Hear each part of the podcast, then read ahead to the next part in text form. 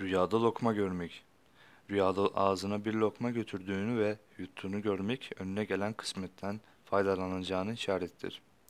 Lokmayı yutamadığını görmek ise eline gelen kısmetten yararlanamadığına işaret eder demişlerdir.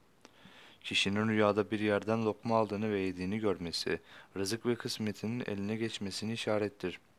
Başka birilerine lokma verdiğini görmek, rüya sahibinin başkalarına faydalı ve yararlı olduğuna veya olacağına işaret eder şeklinde yorumlanmıştır.